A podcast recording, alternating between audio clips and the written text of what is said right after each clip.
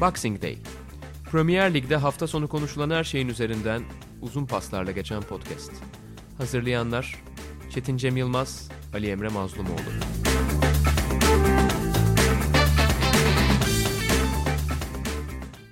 Sokrates Podcast'ten herkese merhaba. Boxing Day'e hoş geldiniz. Koronavirüs nedeniyle futbola ara verilmesinin ardından biz de programa ara vermiştik. Ancak Premier Lig 17 Haziran'da sahalara geri döneceğini açıkladı. Bu duyurunun ardından biz de futbolcular sahaya dönerken kayıtlara geri döndük. Ben Ali Emre Mazlumoğlu, Çetin Cem Yılmaz'la birlikteyiz Boxing Day'de.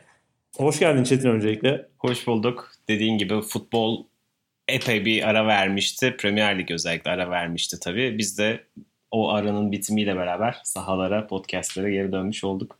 Heyecanlıyız bakalım. Evet ben de onu diyecektim yani. Biz bile şu an bir heyecan içerisindeyiz. Yani bir de futbolcuları düşündüğünde verilen aradan sonra sahaya dönmeleri onlar için tabii ki daha büyük bir heyecan temsil ediyor olmalı. Ama biz bir biraz şeyi konuşalım istersen. Yani dünya tarihinde ilk kez görülmüş bir pandeminin içerisindeyiz ve tamamen bitmiş hatta belki ortalarına bile gelinmemiş bir pandemi bu. Ama buna rağmen dünya futbolu bir şekilde kendine kurtuluş çabası arıyor. Tekrar sahalara geri dönme çabası arıyor. Dönemeyenler var. Fransa var. Yine başka ülkeler ligi bitirdiklerini açıkladılar. Ama bir de dönenler var. Almanya erken döndü. Dönme tarihi belirleyenler var ki bunlardan biri de Premier Lig 17 Haziran'da dönüyor. Ya bütün aslında bir genele baktığımızda pandemi, dünyada yaşanan diğer olaylar ve futbol 17 Haziran'da liglerin başlıyor olması İngiltere açısından sen genel olarak nasıl görüyorsun durumu ve içine siniyor mu futbol oynanacak olması bu durumda? Ya bunun iki ay içerisinde psikolojimizin global olarak çok değiştiğini söylemek gerekiyor. Yani özellikle ilk NBA'in iptal edildiği 13 Mart'tı sana yanılmıyorsam o günden sonra gerçekten çok şey değişti. Çünkü o kısa süre içerisinde birkaç hafta içerisinde Şampiyonlar Ligi'nden işte Premier Lig'e, Bundesliga'sından Amerikan Buz Hokeyi Ligi'ne falan bütün global organizasyonlar hepsi durduruldu. Ve pek çoğunun açıkçası geri dönmemesi, sezon mu iptal edilecek yoksa bu haliyle mi şampiyon ilan edilecek falan filan gibi konuşmalar dönüyordu. Nisan ortasına kadar da durum buydu. Fakat Avrupa'da biraz pandeminin şeklinin değişmesi, birazcık pandemiyi yönetme şeklinin değişmesi açıkçası insanların algısını değiştirdi. Hani Amerika kıtasını başka bir kenara bırakalım. Özellikle Amerika'da şu an artık başka bir hikayeye dönüyor. Ama Avrupa biraz yeniden açılma sürecine çabuk girdi tahmin ettiğimizden. Şimdi tabii ki bilim insanı değilim ama okuduklarımızdan bir ikinci dalganın gelme ihtimali olduğu hep yazılıp çiziliyordu. Dolayısıyla dediğin gibi hayatımızda belki birkaç sene daha var olacak bir pandemiden bahsediyoruz. Futbolda biraz buna göre pozisyon aldı. Yani belki Nisan ayında bir daha hani oynamayacak oyuncular bu seneyi falan filan diye düşünürken belki gelecek sene bile tartışmalı falan denirken bir anda şartlar buna hazır görülmeye başlandı. Pek çok sebebi var bunun ama en büyük sebeplerinden bir tanesi ekonomi açıkçası. Yani futbol ekonomisi bu kadar uzun süre sahaya girmemeyi kaldıracak durumda değil açıkçası. Öyle görünüyor. Yani bu anlamda bir zorunluluktan sahaya döndü futbolcular ve takımlar. İlk etapta belki Nisan ayındaki resimde şu vardı. Pek çok oyuncu oynamak istemiyordu. Mesela İngiltere'de pek çok oyuncu Danny Rose'un falan filan başını çektiği. Hala bu arada oynamayı istemediğini açıkça söyleyen Troy Deeney, Kante gibi oyuncular var. Yani daha doğrusu içlerinin çok rahat etmediğini söyleyen diyelim. Fakat genel olarak resim biraz değişti. Oyuncular verdikleri deme işte hani şartlar uygun olursa, güvenli olursa oynamak isteriz de mail etmeye başladılar. E pek çok kulüp içinde özellikle ekonomisi büyük ölçüde yayın gelirlerine falan filan bağlı kulüp için geri dönmekte biraz zorunluluktu. Buna belki birazdan değiniriz çünkü futbol ekonomisinin de pek çok diğer ekonomiler gibi açıkçası radikal değişimler yaşayacağı bir çağdayız belki şu anda. Artık o değişimlerin arifesindeyiz. Ama sahaya dönmek bir zorunluluk haline geldi gibi sanki ve ilk nasıl diyelim korkulduğu kadar demek istemiyorum hani yanlış anlaşılmasın diye ama oynamanın da birazcık güvenli olduğu izlenimine ulaştı. Kamuoyu da powers that be denen hani yönetenler de hem oyunları, oyunu hem de ülkeyi yönetenler, ülkeleri yönetenler de bunun böyle yönetilebilir olduğunu hükmedince yavaş yavaş sıra futbola da geldi. Nasıl restoranlar, kafeler, dükkanlar yavaş yavaş açılma sürecine giriyorsa futbolda bunun gibi yavaş yavaş hani oteller açılıyorsa biz de açılabiliriz gibi bir her sektörün yavaş yavaş kafasını çıkarttığı gibi çıkartmaya başladı. Yani dolayısıyla bu işin çok ekonomiden de bağımsız olmadığını hatırda tutmak gerekiyor. Her şey dersen için rahat mı? Benim için %100 rahat değil. Çünkü ya ben açıkçası hala evden çalışıyorum ve ne zaman işe döneceğimden emin değilim. Şu anda mesela beni iş yerinden çağırsalar ve tamam ofise geri dönüyorsun deseler bununla ilgili tepkim ne olurdu? Çok emin değilim. %100 rahat gitmeyebilirdim. Ama bazen de işte hani pek çok hizmette sektöründe çalışan pek çok insanın bu süreçte çalıştığı gibi eğer bu bir gereksinim halindeyse de insanlar mecburen de gidiyorlar falan filan. Şimdi bu tarafı da var bunu da unutmamak gerekiyor. Yani %100 olarak içim rahat mı futbol oynanırken değil. Bunu itiraf edeyim. Bundesliga'dan maçları izlerken hala %100 de keyif almıyorum. Çünkü kafam hala pandeminin gerçeklerinden tamamen soyutlanmış değil. Nasıl şu anda hayatımız 3 ay önce keyif aldığımız şeyleri birebir olarak yapamıyorsak. Futbolda benim için hala o noktaya gelmiş değil. Ama belki de yavaş yavaş tırnak içinde normalleşme sürecinin bir parçası olarak görmek gerekiyor bunu. Evet sana katılıyorum. Yani futbolun bu büyük özellikle bu Avrupa'da hep söz edilen 5 büyük ligi düşündüğümüzde e, hatta bunun daha geniş çerçevesini de düşünebiliriz. Ekonomik açıdan bir süre oynamamayı kaldırabilecek bir yapı artık ortada yok. Yani sadece şu önemli bir örnek. Bu sezon işte geride 29. hafta en son oynanmıştı. Oynanmayan bölüm için Premier Lig kulüpleri yayıncılara, ligin yayıncılarına 330 milyon pound gibi para ödemeyi kabul etmişti. Bu para geri ödenecekti. Ve bu para belki hani Liverpool için ya da işte Manchester City için çok çok önemli bir ekonomik durumu ifade etmeyebilir ama bir de bu ligden şimdi o kesinleşmedi ama düşmesi mümkün olan takımlar açısından, açısından çok önemli bir para. Ve bunun bir şekilde sübvanse edilmesi gerekiyordu ve oynamak o açıdan çok önemli bir hale geliyordu. Ve sonuçta da Premier Lig takımlarının ya bu özel bir kuruluş sonuçta Premier Lig bir araya geldi ve oynaması yönünde karar aldı. Hatta bırakalım yani İngiltere'yi İtalya gibi bir dönem Avrupa'nın yani epicentri olan tamamen merkezleşmiş hale gelen bu krizde ülkesi de 19 Haziran'da dönme kararı aldı. İspanya yine muhtemelen 11 Haziran'da bir hafta öncesinde dönecek. Yani bu bir kesin ki ya sağlık açısından tamamen yeşil ışık yakıldı mı dendiğinde bu bir soru işareti. Bu da çok bizim bilebileceğimiz de bir şey değil aslında. Senin de dediğin gibi bilim insanları bunun kararını tabii ki verecek kişiler. Ama ekonomik açıdan yeşil ışık yakılmalı düşüncesiyle sahalara geri dönülüyor. Ama ben şu açıdan biraz içim rahat gibi. Sonuçta biz bu pandemiyi sürekli evde kalarak da atlatamayız. Bir şekilde bir şeylerin geri dönmesi gerekiyor ama bunun kontrollü iyi bir şekilde yapması yapılması gerekiyor.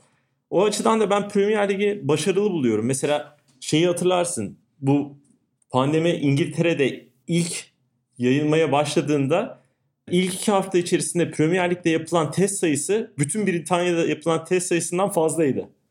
Ki o dönem hani Britanya hükümetinin de sürü bağışıklığı diye e, tuhaf kaçan bir hani stratejisi de vardı. Ve ondan sonra şu ana kadar atılan adımların hepsinde bir bir araya gelme, toplantı yapma, hükümetle ortak çalışma, polisle, güvenlikle yani kurum olarak çok iyi işleyen bir yapı ortaya koydular ve en azından futbolcuların da taraftarların da biraz daha bu geri dönüşten emin olacak bir pozisyona çektiler diye düşünüyorum. İşte önce antrenmanlar başladı. Ondan sonra full temaslı antrenmanlar başladı. Şimdilikler başlayacak falan filan diye bu adım almaları çok iyi yaptığını düşünüyorum. Sen o noktada katılıyor musun? Yani iyi yönetti mi sence bu süreci Premier Lig? Evet iyi yönettiğine ben de ikna oldum. Hem işi ağırdan aldılar. Çok acele etmediler. Yani bunu birazcık İngiltere'deki şeyden bağımsız olarak söylüyorum. Yani durumdan. Şimdi Almanya bu tüm pandemiyi İngiltere'den daha iyi yönetti. Ama oradan ülkeden soyutlarsam Premier Lig bu işi çerçevesini iyi çizdi. Yaptıkları açıklamalar ve verdikleri mesajlar da bu işin kontrol altında tutulacağı işte düzenli kontroller yapılacağı falan filan mesajlar yerindeydi. Hani bir dolu bu arada teknik önlem var. Yani dinleyicilerimiz ne kadar takip etti e, bilmiyorum. Mesela işte antrenmanlar için ilk başta hemen iki hafta sonra başlasın dedi Premier Lig. Kulüpler dört hafta demiş ama sonra üç hafta orta noktada buluşmuşlar. Bu süreçte sonra antrenmanlar başladı. Oyuncular antrenmanlara tabii ki kendileri geliyorlar. Üzerlerinde antrenman kıyafetleriyle geliyorlar. Otoparkta arabalarını bırakıp direkt antrenman sahasına gidiyorlar. Hani o ortak alanlar kullanımı minimumda oluyor. Bu sırada işte kale direkleridir, oyuncuların işte içtiği sular falan filan sürekli dezenfekte ediliyor. Bu tip hani çok çok ciddi e, güvenlik kuralları var. Gerçi Almanya'da bile ligin başlamasına bir hafta kala Hertha Berlin den videolar çıkmış. Yani öyle deniyor ama soyunma odasından işte Kalon'un paylaştığı bir videoda aslında öyle olmadı. Oyuncuların beraber giyinip soyunduğu ortaya çıkmıştı. Yani tabii ki bu bir yerden sonra çok engellenebilecek bir şey değil herhalde. Çünkü sahaya çıkıldığında bir hani kontak sporu bu ve oyuncular e, hem rakipleriyle e, mücadeleye giriyorlar ve fiziksel olarak yakınlaşıyorlar hem de kendi takım arkadaşları. İşte gol sevinci var bunun yaklaşıp işte taktik konuşması var falan filan. Bu çok engellenebilecek bir şey değil. Ama en azından bunun mümkün olduğunca engellenebileceğine dair dediğim gibi pek çok detay söz konusu ki bahsettiğim gibi antrenmana kıyafetlerle gidip gelmeler falan filanından tutun. Haftada iki tane test yapacak kulüpteki herkes ve bu da sezon sonuna kadar sayıyı tam hatırlamıyorum ama tüm lig için 200 bin tane test yapılması gündemdeymiş. Bu inanılmaz bir rakam ama düşününce gerçekten işte her kulüpteki her oyuncunun, her antrenörün, statlara bir şekilde girecek olan kameramanın falan filan dolayısıyla hani lige dair herkesin haftada iki kez test yapıldığını düşünürseniz bu yaklaşık 12-14 haftalık süreçte o sayıya ulaşıyorsunuz yani. E, sırf bu bile aslında çok korkunç bir maliyet. Yani işin bu tarafı da var ve bazı liglerin şimdi mesela işte alt ligler İngiltere'de Championship'in altında bulunan League One ve League Two'nun ya da İskoçya Premier Ligi'nin geri dönüp dönmemesi falan filan gibi şeylerdeki soru işaretlerinden birisi de bu. Yani tamam Premier Lig'de geri dönmeleri gerekiyor çünkü yayın gelirleri çok yüksek ama yayın gelirlerinin bu kadar yüksek olmadığı liglerde geri dönmeyi aslında kolay kaldıramıyor. Çünkü oynamanın da başka bir maliyeti var bu şartlar altında. Ama Premier Lig bunu e, kaldırabilen bir lig olduğu için muhtemelen yapacak ve dediğin gibi ben de bu süreci en azından iyi yönettiklerini ve en azından insanları şu an için bir güven telkin ettiklerine inanıyorum. Evet e, bir yandan da yani geri dönüş kararları verildi ama bu geri dönüşe ilişkin bazı soru işaretleri de var. Yani kendi içinde bile tartışmaları var. Zaten Premier Lig kararı verdi ve bundan sonra da toplantılarla bunu güncelleyecek bu kararları. Örneğin mesela ligde daha düşme var mı olmayacak mı kararı henüz verilmedi. Ve herhalde en can alıcı noktalarından biri. Sana onu da soracağım ama hatta onu da konuşalım. Şimdi şampiyon belirlenecek, kupalara gitmesi gereken takımlar belirlenecek ama düşme hattıyla ilgili ne olacağı bir soru işareti. Bazı takımlar bunun olmamasını istiyor. Özellikle Covid gibi bir durumda düşersek gelirlerin azalması belki de bu kulüp için tarihin en kötü ekonomik durumlarından birine yol açabilir görüşü var. Diğer taraftan da düşme olmazsa yani ortada böyle çok amaçsız olan takımlar olur. Bu amaçsız takımların form durumlarında sıkıntı olur. Hatta az oyuncuları oynamaz paf takımları görürüz. O zaman da ligin bir anlamı kalmaz gibi düşünceler var. Çok zor bir karar biliyorum ama yani düşme olmalı mı sence? Bu noktaya nasıl bakıyorsun? Yani düşme olmalı bence. Ligin devam ederken kuralın değiştirilmesi çok ideal değil. Ha şu var çok olağanüstü şartlardayız ve doğru kulüplerin düşmeye aday kulüplerin sırtına çok ağır bir yük bineceği de ortada az önce senin söylediğin gibi yani yayın gelirlerinden ama zaten Premier Lig'den düşmek zor bir durum ama işte bu şartlarda düşmek yayın gelirlerinden falan filan olmak ekstra kötü ama yani dediğin gibi düşmeyi kaldırırsan bu sefer ligde gerçekten amaçsız takım sayısı çok artacak. Yani buna ben mesela Liverpool'da düşünüyorum. Liverpool eğer yani lig diyelim normal seyriyle oynanmaya başlandı ve 3 hafta sonra Liverpool 2 hafta sonra hatta Liverpool sahaya bile çıkmanın aslında yine şampiyon olabiliyor ihtimaller dahilinde de. Hani hiçbir amacı kalmayacak. Şimdi oradan sonra Liverpool gençleri oynatırsa bir dert.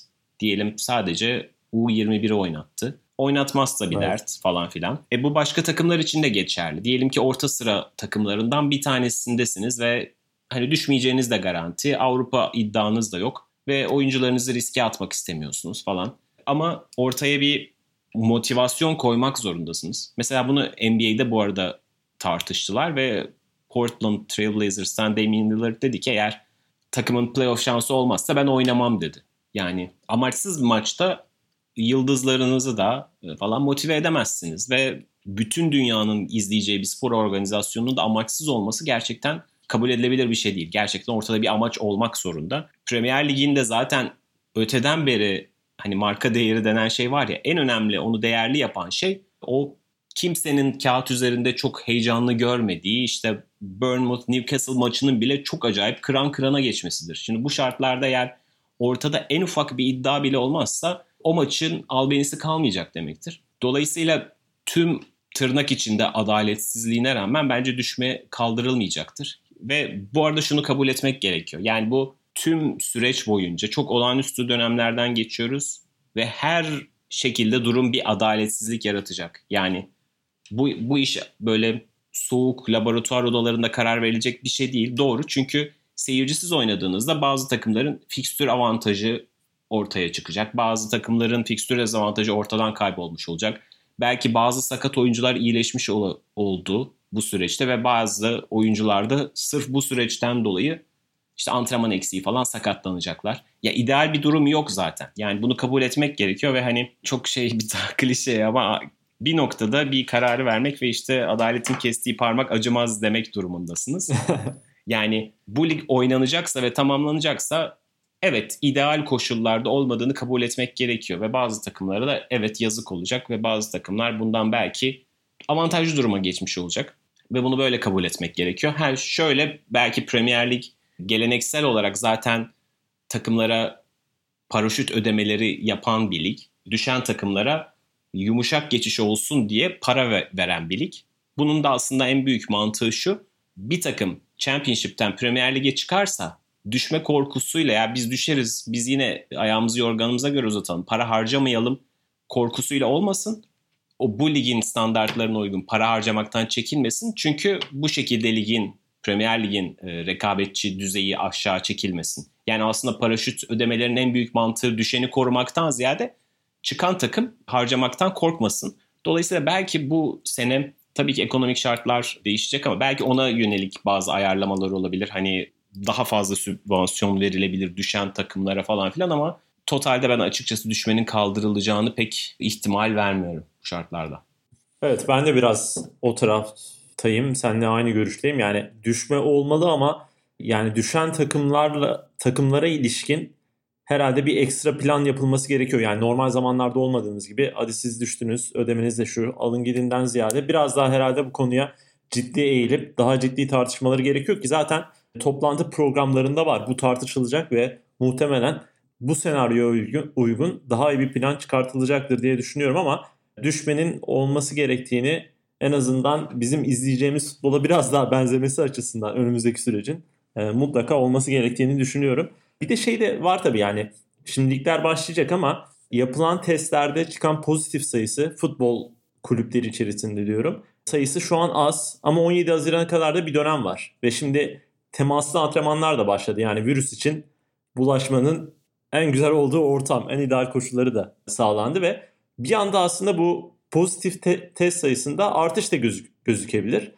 Artış gözüktüğünde de senaryo bir anda farklı bir boyuta da dönebilir. Yani 17 Haziran'da başlayacak ama farklı senaryoların da olabileceği burada bir kafalarda var ve bu düzenli olarak da senin de söylediğin gibi testlerin çok sık yapılacak olması muhtemelen orada da iyi bir tablo ortaya çıkartacaklar. Ki Almanya'da da aslında bu işin nasıl söyleyeyim çok sakıncalı lafını kullanmak istemiyorum ama sürdürülebilir olduğunu gösteriyor şu ana kadar oynanması. Bir yandan da şey var ama bazı maçların taraftar boyutu da var. Örneğin Everton Liverpool maçı oynanacak. İkinci hafta sanırım. Yani burada taraftarların toplanması bir araya gelmesi kaçınılmaz gibi bir şey. Yani ne koşullar olursa olsun pandemi ya da başka bir koşul. Bu taraftar bir araya gelecektir ki o maçın şampiyonluk maçı olma şansı da var. Ona ilişkin de önlemlerin herhalde alınması gerekiyor ki o konuda da işte polisle, güvenlik danışmanlarıyla çeşitli şeyler yapıyorlar. Diğer konu Liverpool şampiyonluğunu kutlayabilecek mi, kutlayamayacak mı, buna izin verilecek mi? Ya bunların hepsine ilişkin aslında çok acayip değerlendirmeler yapılması gerekiyor ve yani karar şu değil abi yani maçlara başladık herkes oynayacak. Bunun o kadar çok fazla ayağı var ki o ayaklara dair de ciddi çalışmalar yapılması gerekiyor ve bu konuda da işte ben Premier Ligi başarılı buluyorum. O noktada da maçlara göre ya da oynanacak saatlere göre taraftar nasıl yapılmasına göre planları var ki sen de takip ettin mi bilmiyorum. Premier Lig'in İngiltere'deki yayıncıları buna ilişkin bazı düzenlemelerde yapmış. Örneğin BT %50 indirime gidiyor. Bu arada BBC yıllar yıllar sonra ilk kez en yüksek düzeydeki liglerin maçlarını yayınlayacak. 4 tane maç yayınlayacakmış onlarda. Bu tip adımlar da atılmış durumda. Yani bir baktığımızda toplamı düşünen bir yönetimde var gibi İngiltere'de futbol konusunda. Evet en büyük tartışmalardan bir tanesi evet futbol olursa insanlar toplanırlar izlerler bir yerlerde. Hani seyircisiz bile olsa olur kaygısıydı ki hatta Fransa'da ligin iptal edilme sebeplerinden en önemlilerinden bir tanesi buydu açıkçası. En büyük motivasyonlardan ve açıklamalardan bir tanesi buydu. Bahsettiğin nokta önemli. Everton, Liverpool gibi bazı böyle kritik maçların sadece seyircisiz değil tarafsız sahada oynanması gibi bazı şeyler de varmış. Yani teori, e, fikirler de var. Bunların sebebi tam senin de bahsettiğin gibi. Eğer o maç Liverpool'un şampiyonluk maçı olursa insanların stat çevresinde olup işte destek vermesi falan filan gibi taraftar gruplarının toplanması gibi kaygılar var. Doğru yani insanlar bunu yapabilirler her durumda. Pandemi de olsa açıkçası Liverpool taraftarları 30 yıldır bunu bekliyor ve eminim işte hani bu işi hiç dinlemeden sokaklara dökülecek insanlar vardır. Sadece güneşli havayı görünce sokaklara dökülen bir dolu insanı gördük yani dünya çapında. Dolayısıyla Liverpool şampiyonluğu gibi bir şeyde çıkmaktan çekinmeyecek pek çok insan vardır. Liverpool bunu kendi özelinde yerel yönetimin ve kendi kulübün mesajlarıyla insanları evde tutabileceğine inanıyor. Dolayısıyla maçların hani mümkün olduğunca olan işte nasıl denir e, ilk başta açıklanan stadyumlarda oynanması taraftarı. En azından böyle şeyler de ortada. Bu arada bulaşma ile ilgili enteresan bir çalışma da yapmış yine Premier Lig. Daha doğrusu yapılmış bir çalışmadan ilham almışlar, hareket etmişler. Koronavirüsün bulaşmalarının %99'unda 15 dakika boyunca 2 metreden yakın bulunma ile geçildiğini, geçildiği sonucuna ulaşmışlar. Ve futbolda da bir oyuncunun bir oyuncuyla hani bu kadar yakın temasının 15 dakikayı bulmadığı sonucuna ulaşılmış. Bu çok enteresan geldi bana. Yani şimdi mesela bir sol açıkla bir sağ bekin maç boyunca daha yakın olduğunu düşünürsün falan ama aslında bu 15 dakika etmiyormuş yani bu 2 metreden yakın temas anlamında.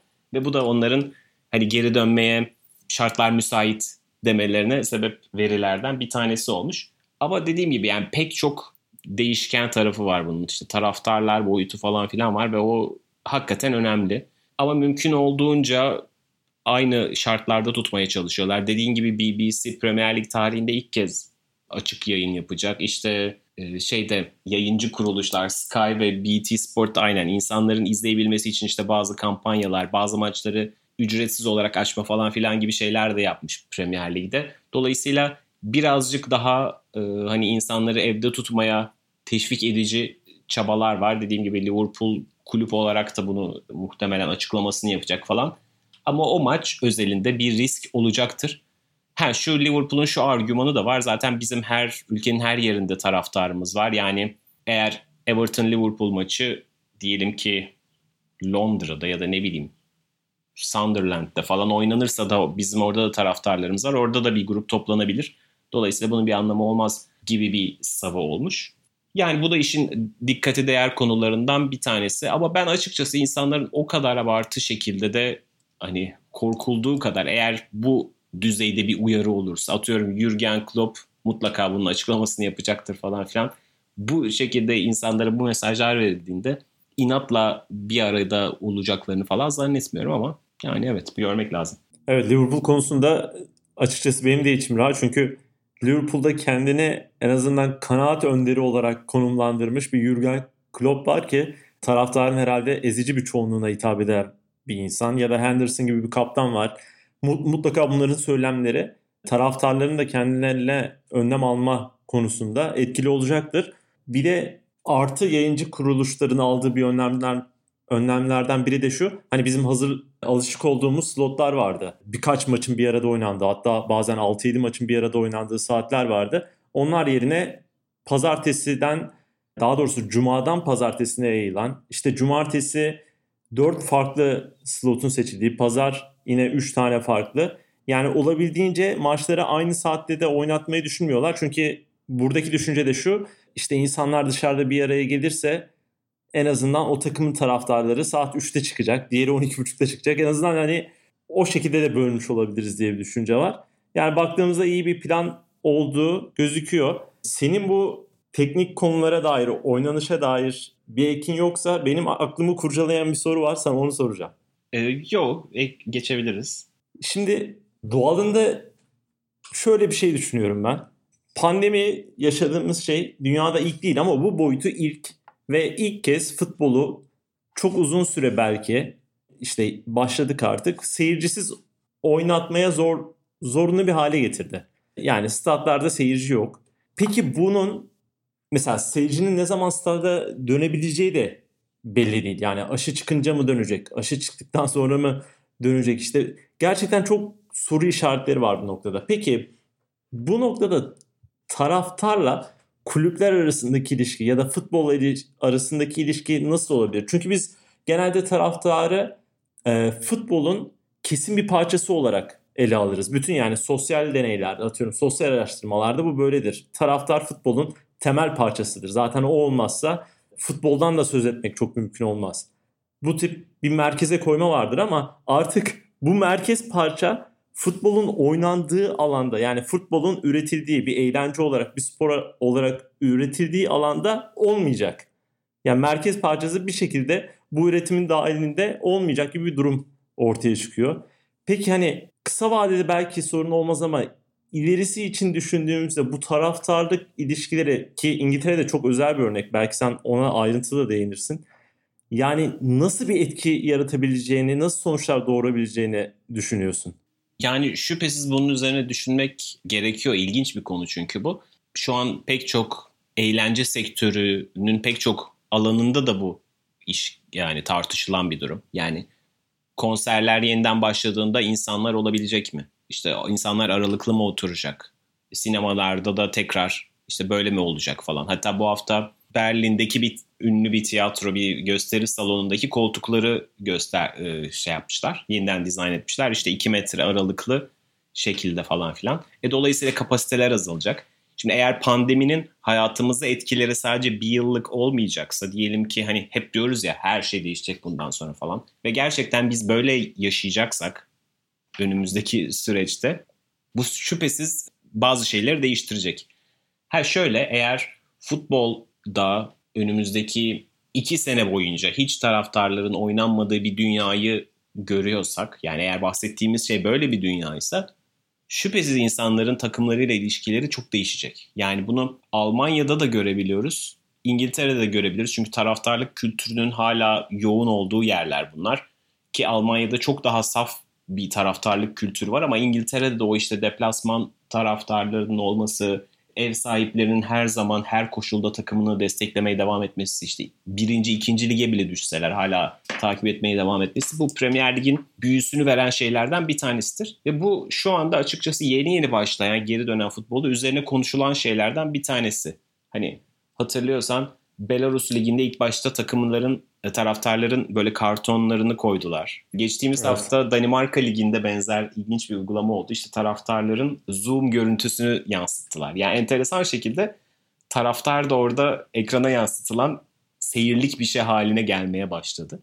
Yani teknolojinin de tabii bir etkisiyle bunu yeniden tanımlama, futbol seyirciliğini yeniden farklı ve çekici hale getirme yolları var. Ve Premier Lig gibi dünya çapında artık hani İngiltere'de mesela Liverpool 40 bin kişiye oynuyor, 45 bin kişiye oynuyor ama dünyanın dört bir yanında belki milyonlarca insan izliyor. O 40 bin kişi çok çok çok küçük bir grup. Dolayısıyla Liverpool izleme deneyimini zaten dünya çapındaki işte dediğim gibi milyonlarca insan böyle yaşıyordu. Artık o 40 bin kişi yaşamayacak doğru en azından kısa bir vade için. Ama eğer böyle giderse tabii ki küçük kulüpler için bunun bir problem yaratacağını söylemek mümkün. Ha tabii ki işte Liverpool gibi, Dortmund gibi taraftarıyla büyümüş ve işte kültürünün bir parçası o taraftar desteği olmuş takımlar şüphesiz birazcık biraz değil çok fazla sentetikleşecekler yani. Dolayısıyla sanki laboratuvarda üretilmiş robotlar futbol oynuyormuş gibi olacak. Doğru yani ama bu da işte işin merkezine tekrar futbolu koyuyor. Yani o tecrübeden taraftarı çıkartınca gerçekten işin tutkusu, tadı, tuzu biraz azalıyor. Yani taraftarsız futbol asla olmaz diyenlerden değilim ben. Yani ben seyircisiz maçtaki o bağırış çağrışları da severim ama tabii taraftarlı olunca iş başka bir seviyeye çıkıyor. Ve taraftarın da etkisi olduğu da ortada. Yani Bundesliga'da hala e, şu an itibariyle 4 hafta oynandı ve ev sahipleri büyük ölçüde puan kaybediyor. Deplasman takımları hala daha başarılı. Yani enteresan şekilde sanki sürekli seyirciyle oynamaya alışmış olan takımlar seyircisiz oynayınca kendi evlerinde bocalıyorlar gibi biraz kabaca bir özetliyorum istatistiği ama böyle bir realite var ve hala buna uyum sağlamaya çalışıyorlar futbolcular ve takımlar diye düşünüyorum. Evet koronavirüs hayatımızdan çıktığında tekrar o kalabalıklar bir araya gelecektir ama eğer birkaç sene bu iş böyle sürerse enteresan yollar denemek zorunda kalacak tarafta e, kulüpler. Bu tecrübeyi enteresan kılmak için işte taraftarı yeniden oyunun bir parçası yapmak ve takımlarını yeniden motive etmek için işte bu Danimarka'da bahsettiğim örnek gibi. Hani birazcık dijital ve böyle distopik de olsa bu tip yollarda görebiliriz önümüzdeki bir iki sene içinde. Evet yani taraftarla kulüp ilişkisi sonuçta kültürel de bir ilişki. Yani dünya çapındaki büyük kulüpleri düşündüğümüzde işte Liverpool, Manchester United, Barcelona, Real Madrid, işte İtalya'da kulüpler ya da büyük bir ülke olmasına da gerek yok. Sırbistan'daki kulüpleri düşündüğümüzde, zaman zaman bazı örnekleriyle Türkiye'deki kulüpleri düşündüğümüzde ya sonuçta bir kültürel parçası yer alıyor. Yani özellikle bu takımların daha lokale hitap ettiği ülke İngiltere olarak oradan yola çıkalım. Sheffield United mesela onun abi bir seyircisi var ve Sheffield United hep arkasında. Sen de zaten söyledin. İşte birinci ligde mi oynuyor? ikinci ligde mi? Premier ligde mi? Önemli değil. Hep bu takım destekliyor çünkü o bir nerede yer alıyorsa mahallede mi yer alıyor, semtte mi yer alıyor ya da şehirde mi yer alıyor? Onun bir parçası. Taraftar da şehrin parçası, takım da şehrin parçası ve doğalında birbirini etkiliyor. Mesela büyük takımları da düşündüğümüzde mesela United örneğinden yola çıkalım. Dünyada da çok büyük bir taraftar kitlesi var. Ama asıl United'ın motivasyonunu ve o core kesmini oluşturan kişi topluluk United'lılar tabii ki. Ya daha doğrusu Manchester'lılar tabii ki. Ve bu pandemi süreci ben uzun zamana da yayılsa bu koru kaybedeceğini düşünmüyorum. Çünkü bu kor yani 10 yıllar içerisinde oluşturulmuş bir kor. Ve Manchester United mesela tanımlarken o kültürel kodları da tanımlamak gerekiyor ki on, sadece onunla tanımlanamaz ama o olmadan da ortaya koymak mümkün olmaz. O yüzden ben hani uzun süre bile sürse bu pandemi olayının ve pandemi pratiğinin aradaki bağın en azından korla çok da bozulmayacağını düşünüyorum ama geneli düşündüğümüzde mesela şu bilinen bir gerçek artık. Liverpool'un Asya'da çok ciddi bir taraftar kitlesi var ya. Yani ne zaman Liverpool'un önemli maçı olsa Twitter Asya'daki taraftarların görüntüleriyle doluyor. Bütün barlarda olmuş bilmem ne falan filan. Ama işte merkezdeki taraftarla ilişki bozulmasa da ben bunun periferinde yer alan dünya taraftarları mı dersin artık bilmem bilmiyorum ne diyeceğine. İşte onlarla ilişkilerin bozulabileceğini doğal olarak da ekonomik boyutunun, pazarlama boyutunun ciddi anlamda zararlar alabileceğini düşünüyorum. Tabii ki yayınlar devam ettikçe bu bir yerde bir kesimi tutacaktır ama o doğrudan ilişkiyi bozacak gibi geliyor bana. İşte orada bir sıkıntı yaşayacak gibi ve yeni çözümler bulmak gerekiyor. Senin dediğin çok önemli. Orada yaratıcılık işte bilmiyorum teknolojiyi de kullanarak çok ciddi adımlar atılması lazım. Yoksa tıpkı her şey gibi taraftar ve kulüp arasındaki ilişkilerde de değişim olacak gibi. Hatta bunun genel boyutu kulüple ilişki değişik bir boyuta taşınırsa taraftarla futbol arasındaki ilişki de tartışılabilir hale gelebilir o anlamda. Yani bu bize güzel bir phase açacak bir tartışma için güzel bir ortam oluşturacak gibi geliyor. İstersen şeye geçelim. Tabii programın geri dönüşünü açıkladığımızda sorular da aldık. Orada birkaç sorumuz var. O sorulara bakalım istersen. İlk soruda şuydu. Bu pandemi sürecinden sen de biraz aslında ufaktan bir değindin. daha iyi ve daha kötü etkilenecek kulüpler hangisi, hangileri ve Avrupa kupaları için kimi aday görüyorsunuz diye. Yani lig bittiğinde Avrupa kupalarına kim gider diye bir soru var. Sorunun diğer yana küme düşme için tahminler demiş ama küme düşme meselesi daha belli olmadığı için orayı sonraya bırakabiliriz istersen. Evet yani şimdi şu anda bunu çok öngörmek çok kolay değil çünkü yani biraz Bundesliga örneği yine kafamda. Çok iyi dönmesini beklediğimiz bazı takımlar çok bocaladı. Hiç beklemediğimiz bazı takımlar çok iyi çıkış yaptı. Yani mesela işte Hertha Berlin orada çok formda döndü. Hertha Berlin tabii hoca değiştirmişti falan ve hani yeniden başlamış gibi oldu lige. Hani bazen lige verilen ara muhabbeti vardır ya en iyi şekilde değerlendirmek. Bazı takımlar için yani Bundesliga'da o doping etkisi yaratmış oldu. Premier Lig'de çok böyle radikal bir değişimle giren bir takım olmadı. Ama mesela bir aradan faydalanabilecek, hafif bocalamakta olan kulüpler işte Manchester United ve Arsenal iyi dönebilir. Çünkü birazcık kafa temizlemiş oldular ve yeniden başlayacaklar. Ligin bir kısmı iddiasız, bir kısmı can havlinde stresliyken hani mesela bu iki takım çok fazla kaybedecek şeyi yok gibi yani. Çünkü şu, bu sezon yani ligi 5. mi bitirdiniz, 6. mı bitirdiniz falan filan dünyanın sonu değil iki kulüp içinde bence ve hani her şey bonus yazabilir. Özellikle Arsenal için bunu düşünüyorum. Çünkü Arsenal için tamamen gözden çıkarılmış bir sezondu ve her şey artı yazacak. E, Manchester United için birazcık belki daha ilk dörde kendisini atamazsa özellikle beşinde Manchester City'nin Haziran başında bu arada Şampiyonlar Ligi cezası görüşülecek kasta. Dolayısıyla o dengeleri de değiştirecektir. Ve Manchester United için de mesela Şampiyonlar Ligi'ne kendisini atabilmesi çok ekstra bonus olacak. Çünkü şu anda açıkçası orada işte Chelsea'nin falan kaybedecek çok şey var.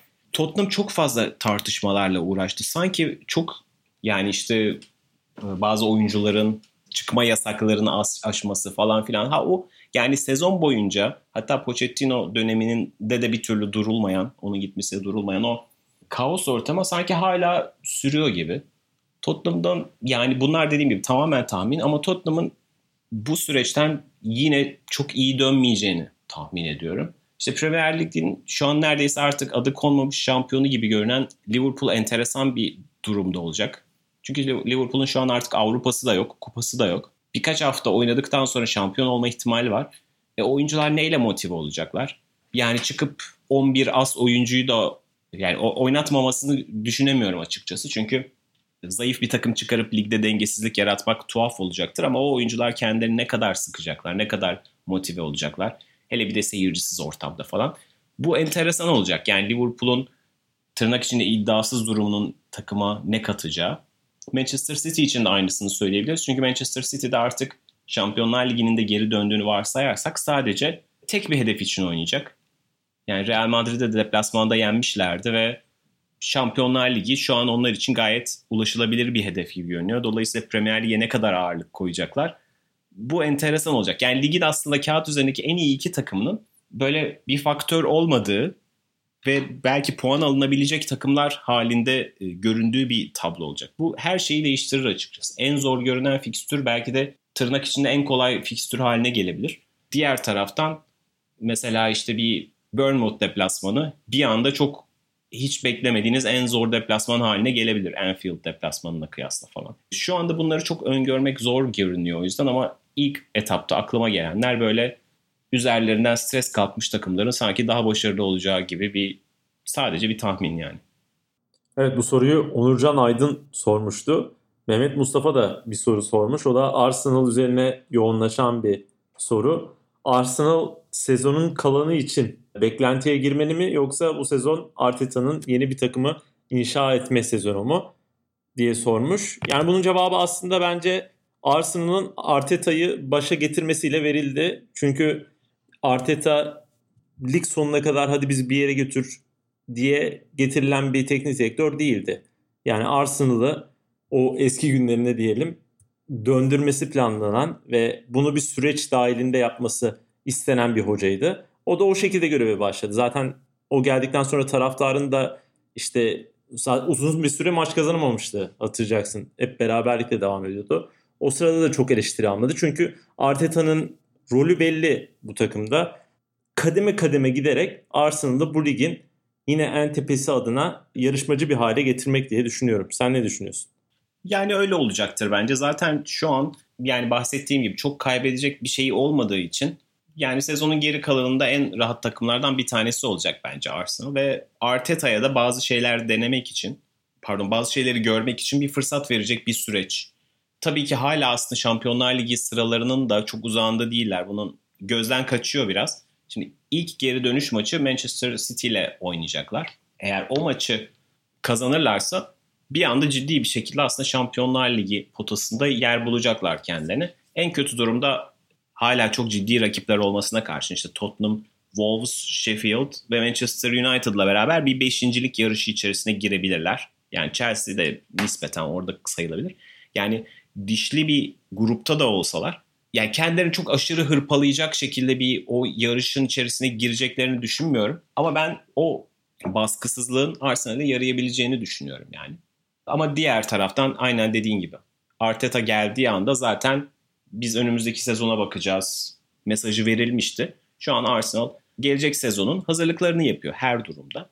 Ve şu anda önümüzdeki 9 haftanın onlar için 10 maçın iyi bir gelecek seneyi adına bazı işaretler vereceği de ortada. Son sorumuz da şu ligin ekonomik boyutuyla ilgili koronavirüsün etkileri nasıl olur? Zaten biz bunu büyük oranda tartıştık ama ikinci kısmında belki biraz kısaca yoğunlaşabiliriz. Transferin durumu nasıl olur? Yaz transferlerinde yani çok uzun süredir planlıyordu zaten kulüpler ve bunlarla ilgili bir sürü haberler oldu. Bazı kulüpler zaten transferlerini birkaçını gerçekleştirdiler. Ama bundan sonraki süreç için nasıl etki eder? Yani genel olarak transfer pazarının biraz küçülmesini, transfer ücretlerinin biraz azalmasını falan bekliyoruz. Yani şu anda hala koronavirüsün global ölçekteki ekonomik faturasını hala çıkartmış değiliz. Çünkü daha belki de hala başındayız yani ama bu işin daha nerelere varacağını bilmiyoruz. Ama şu bir gerçek ki yani en basit haliyle Premier Lig takımları bu yazı ceplerinde para bile olsa birazcık daha böyle idareli kullanacaklardır diye düşünüyorum. Pek çok kulüp için geçerli olacak bu. Bugün hatta Simon Cooper'ın galiba bir açıklaması vardı. Hani artık daha fazla takasa yönelik hamleler olabilir en azından bu yaz için. Mesela şu geliyor aklıma. Rumenige birkaç ay önce demiştik yani bir 5 sene Pogba'nın, Neymar'ın falan Mbappe'nin transferleri gibi transferler beklemeyin. Yani ücret anlamında söylüyorum. İşte böyle 150 milyonlar, 200 milyonlar, 130 milyonlar bunu bir iki sene bekleme, bir beş sene beklemeyin diyordu. Dolayısıyla buradan ilerleyebiliriz.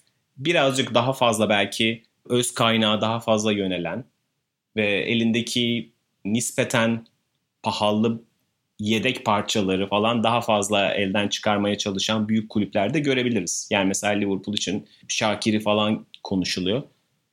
Evet Liverpool ekonomik anlamda en sağlam olan takımlardan bir tanesi. Çok şu anda kriz görünmüyor.